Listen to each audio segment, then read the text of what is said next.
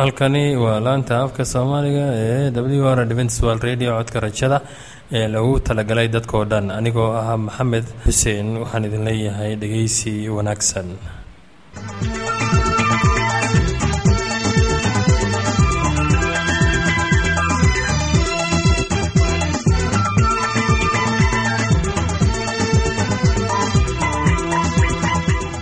barnaamijyadeena maanta waa laba qaybood. Qaybta kuwaad waxaad ku maqli doontaan barnaamijka nolosha qoyska. Kadib waxaa inoo raaci doonaa cashar inaga yimid bugga nolosha. Dhegeystayaasheenna qiimaha iyo qadarinta mudano waxaan filayaa inaad si habboon u dhegeysan doontaan. Haddaba haddii aad qabto wax su'aal ama talo iyo tusaale oo ku saabsan barnaamijyadeena maanta fadlan inala soo xiriir. Dib ayaynu kaga sheegi doonaa ciwaanka yagu balse intaynan u guuda gelin barnaamijyadeena xiisaa leh. Waxaad marka horey ku soo dhowaataan. Heestan daabacsan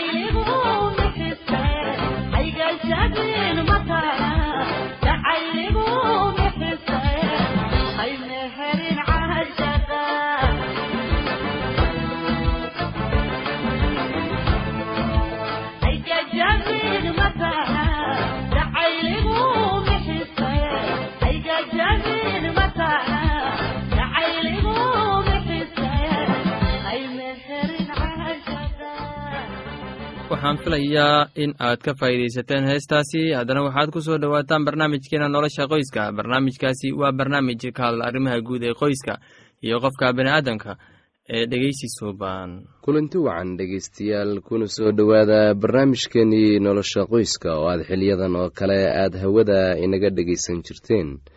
Maantana mowduuceenna wuxuu ku saabsan yahay dhar mayrista iyo sida loo hagaajiyo qof ayaa hadda ka hor yidhi waxyaabaha wanaagsani waxay kaaga dhow yihiin neefsashada duleedada sankaaga nuurka indhahaaga ubaxa cagahaaga waajibkaaga oo aad gacmahaaga ku gudato markaad waddada rabbiga qaad oo mar. Kadibna ha haban xidigaha laakiin qabo waxyaabaha guud oo siday kuugu kala dhow yihiin u qabo howlmaalmeedka iyo nolosha waxay ka tirsan yihiin nolosha ugu macaan. Gudashada howlmaalmeedka waa farxad oo ku jirta dhammaystirku.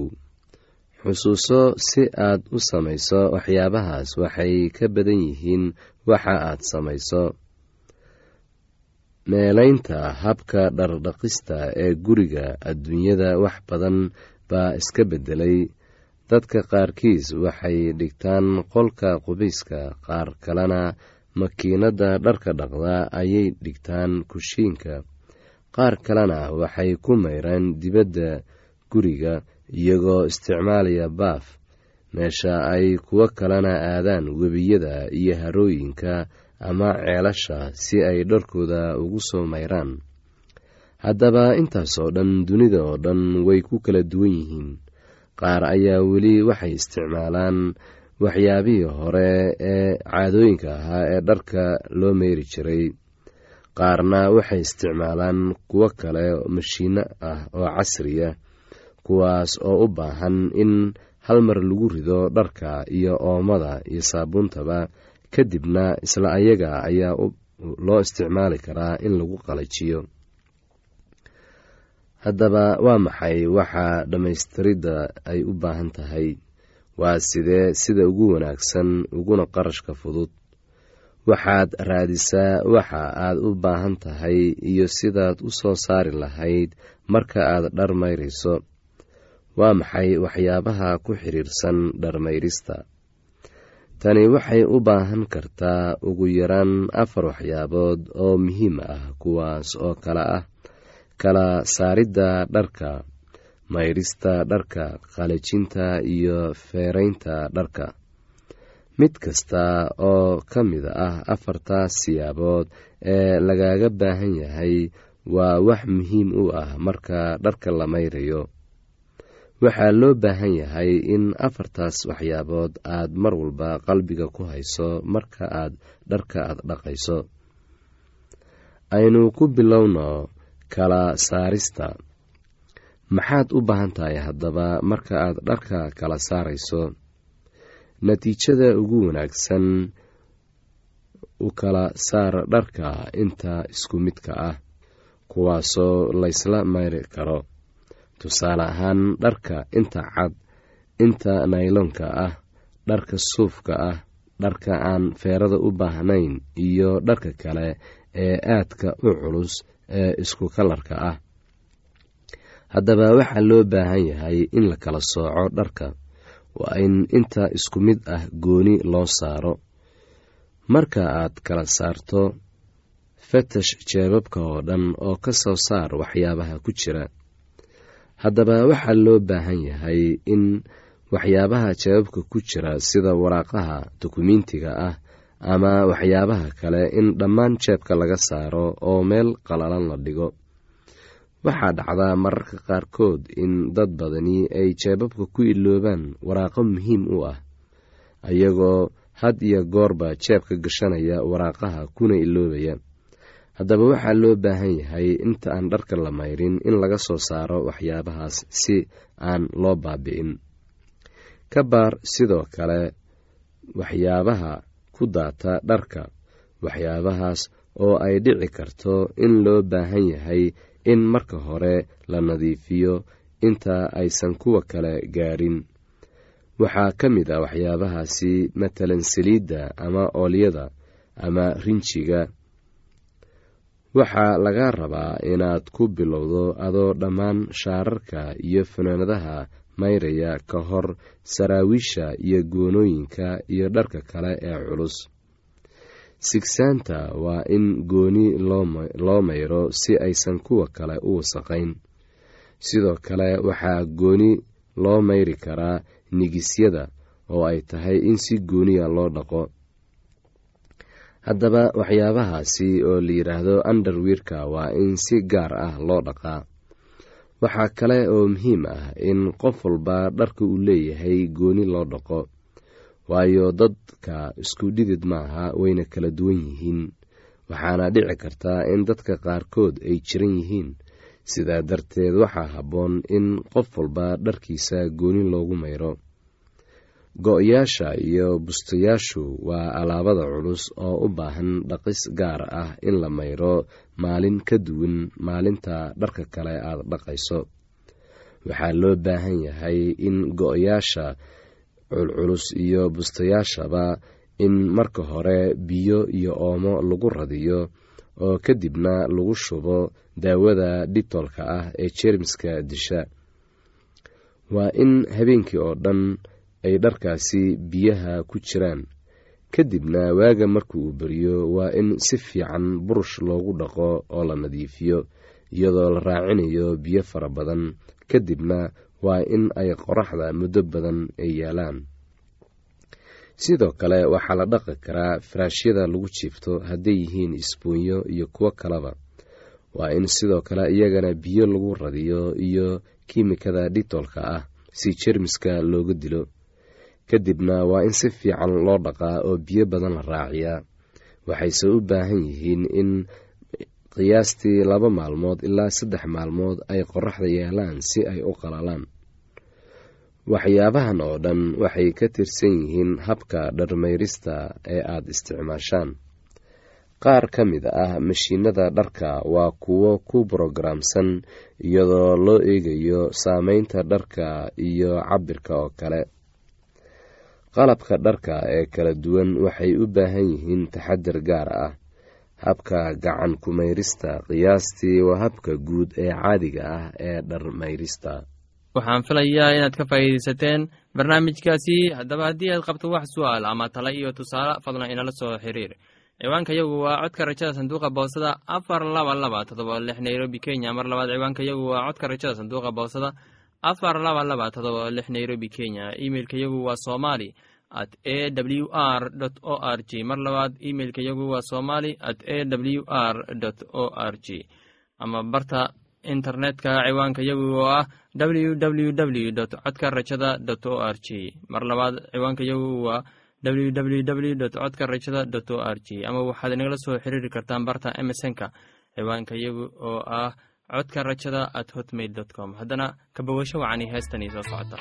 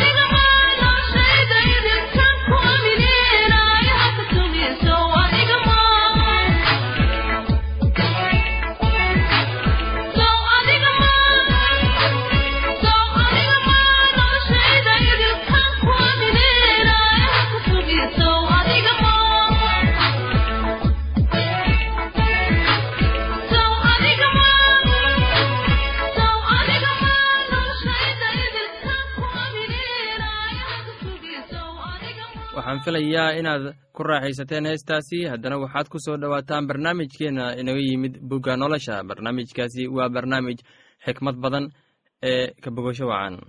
Oo malaa'igtii rabbigu waxay ku tiri iyadii bal eeg uur baad leedahay oo wiil baad dhali doontaa magaciisana waxaad u bixin doontaa ismaaciil.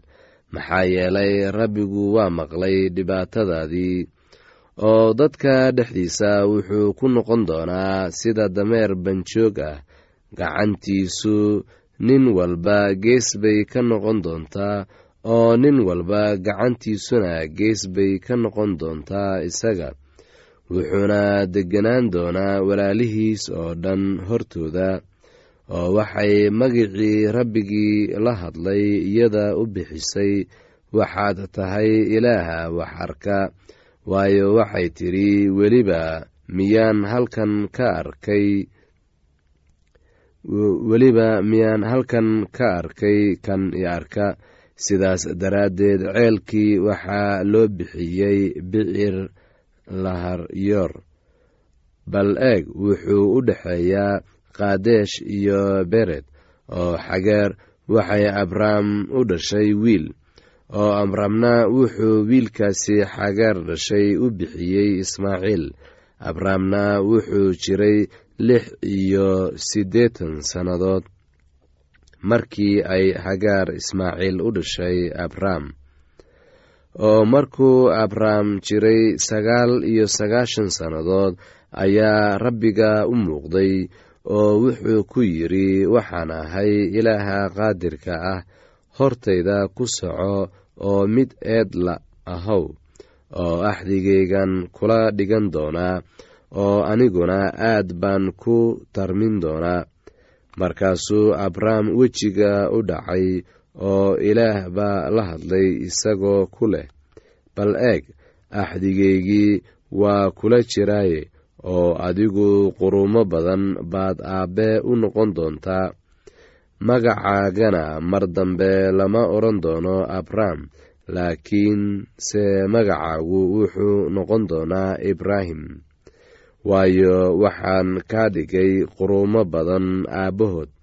Aad baanan ku badin doonaa oo quruumo baan kaa samayn doonaa boqorona way kaa soo bixi doonaan oo axdigayga waxaan ku adkayn doonaa dhexdaada iyo farcankaaga kaa dambeeyaba tan iyo qarniyadooda oo dhan waana axdi weligiis waara kaas oo ah inaan adiga ilaah kuu noqdo iyo farcankaaga kaa dambeeya. Oo waxaan ku siin doonaa adiga iyo farcankaaga kaa dambeeyaba dhulkii aad sodcaalka ku ahayd kaas oo ah dalka kancaan oo dhan inuu idiin ahaado hanti aad weligiin lahaataan.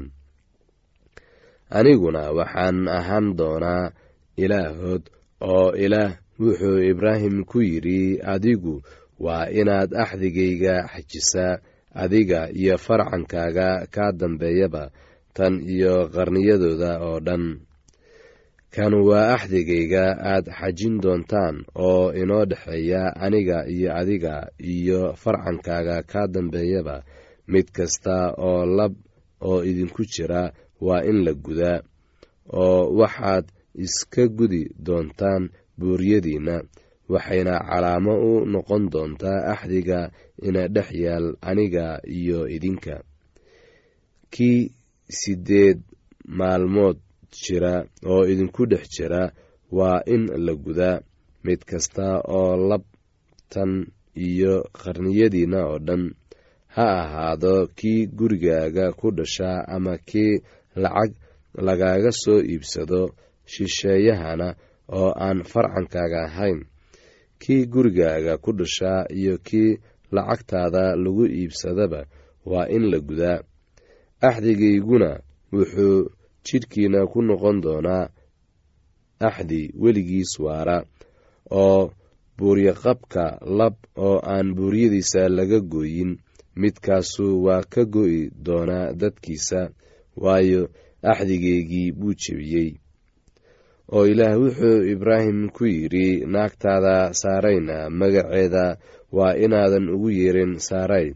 Laakiinse magaceedu wuxuu ahaan doonaa saara oo iyadan barakadayn doonaa oo weliba wiil baan kaa siin doonaa iyadan barakadayn doonaa oo waxay weliba ku dhali doontaa wiil. Oo wiil oo waxay noqon doontaa quruumo hooyadood.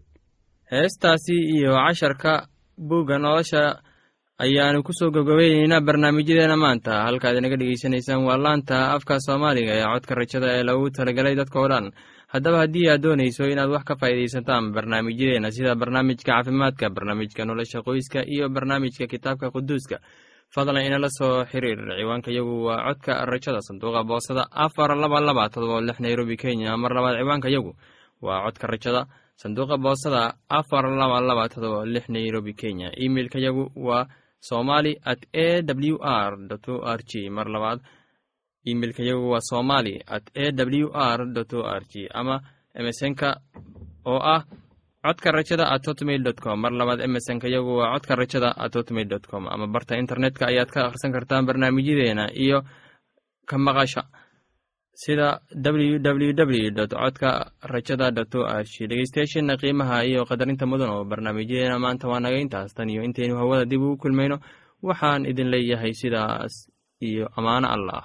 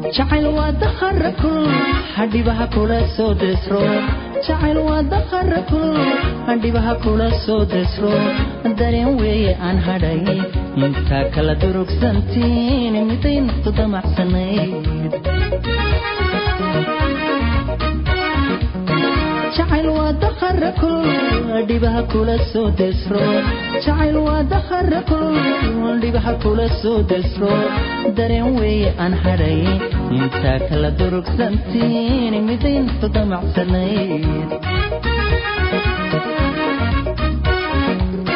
dayare waa nacab u daran dadkuna kugu cebsadaan dayare waa nacab u daran dadkuna kugu cebsadaan ha yeeshee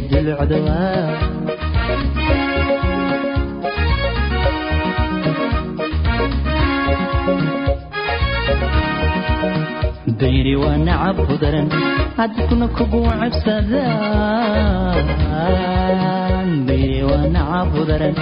dadkuna kugu cebsadaan dayri waa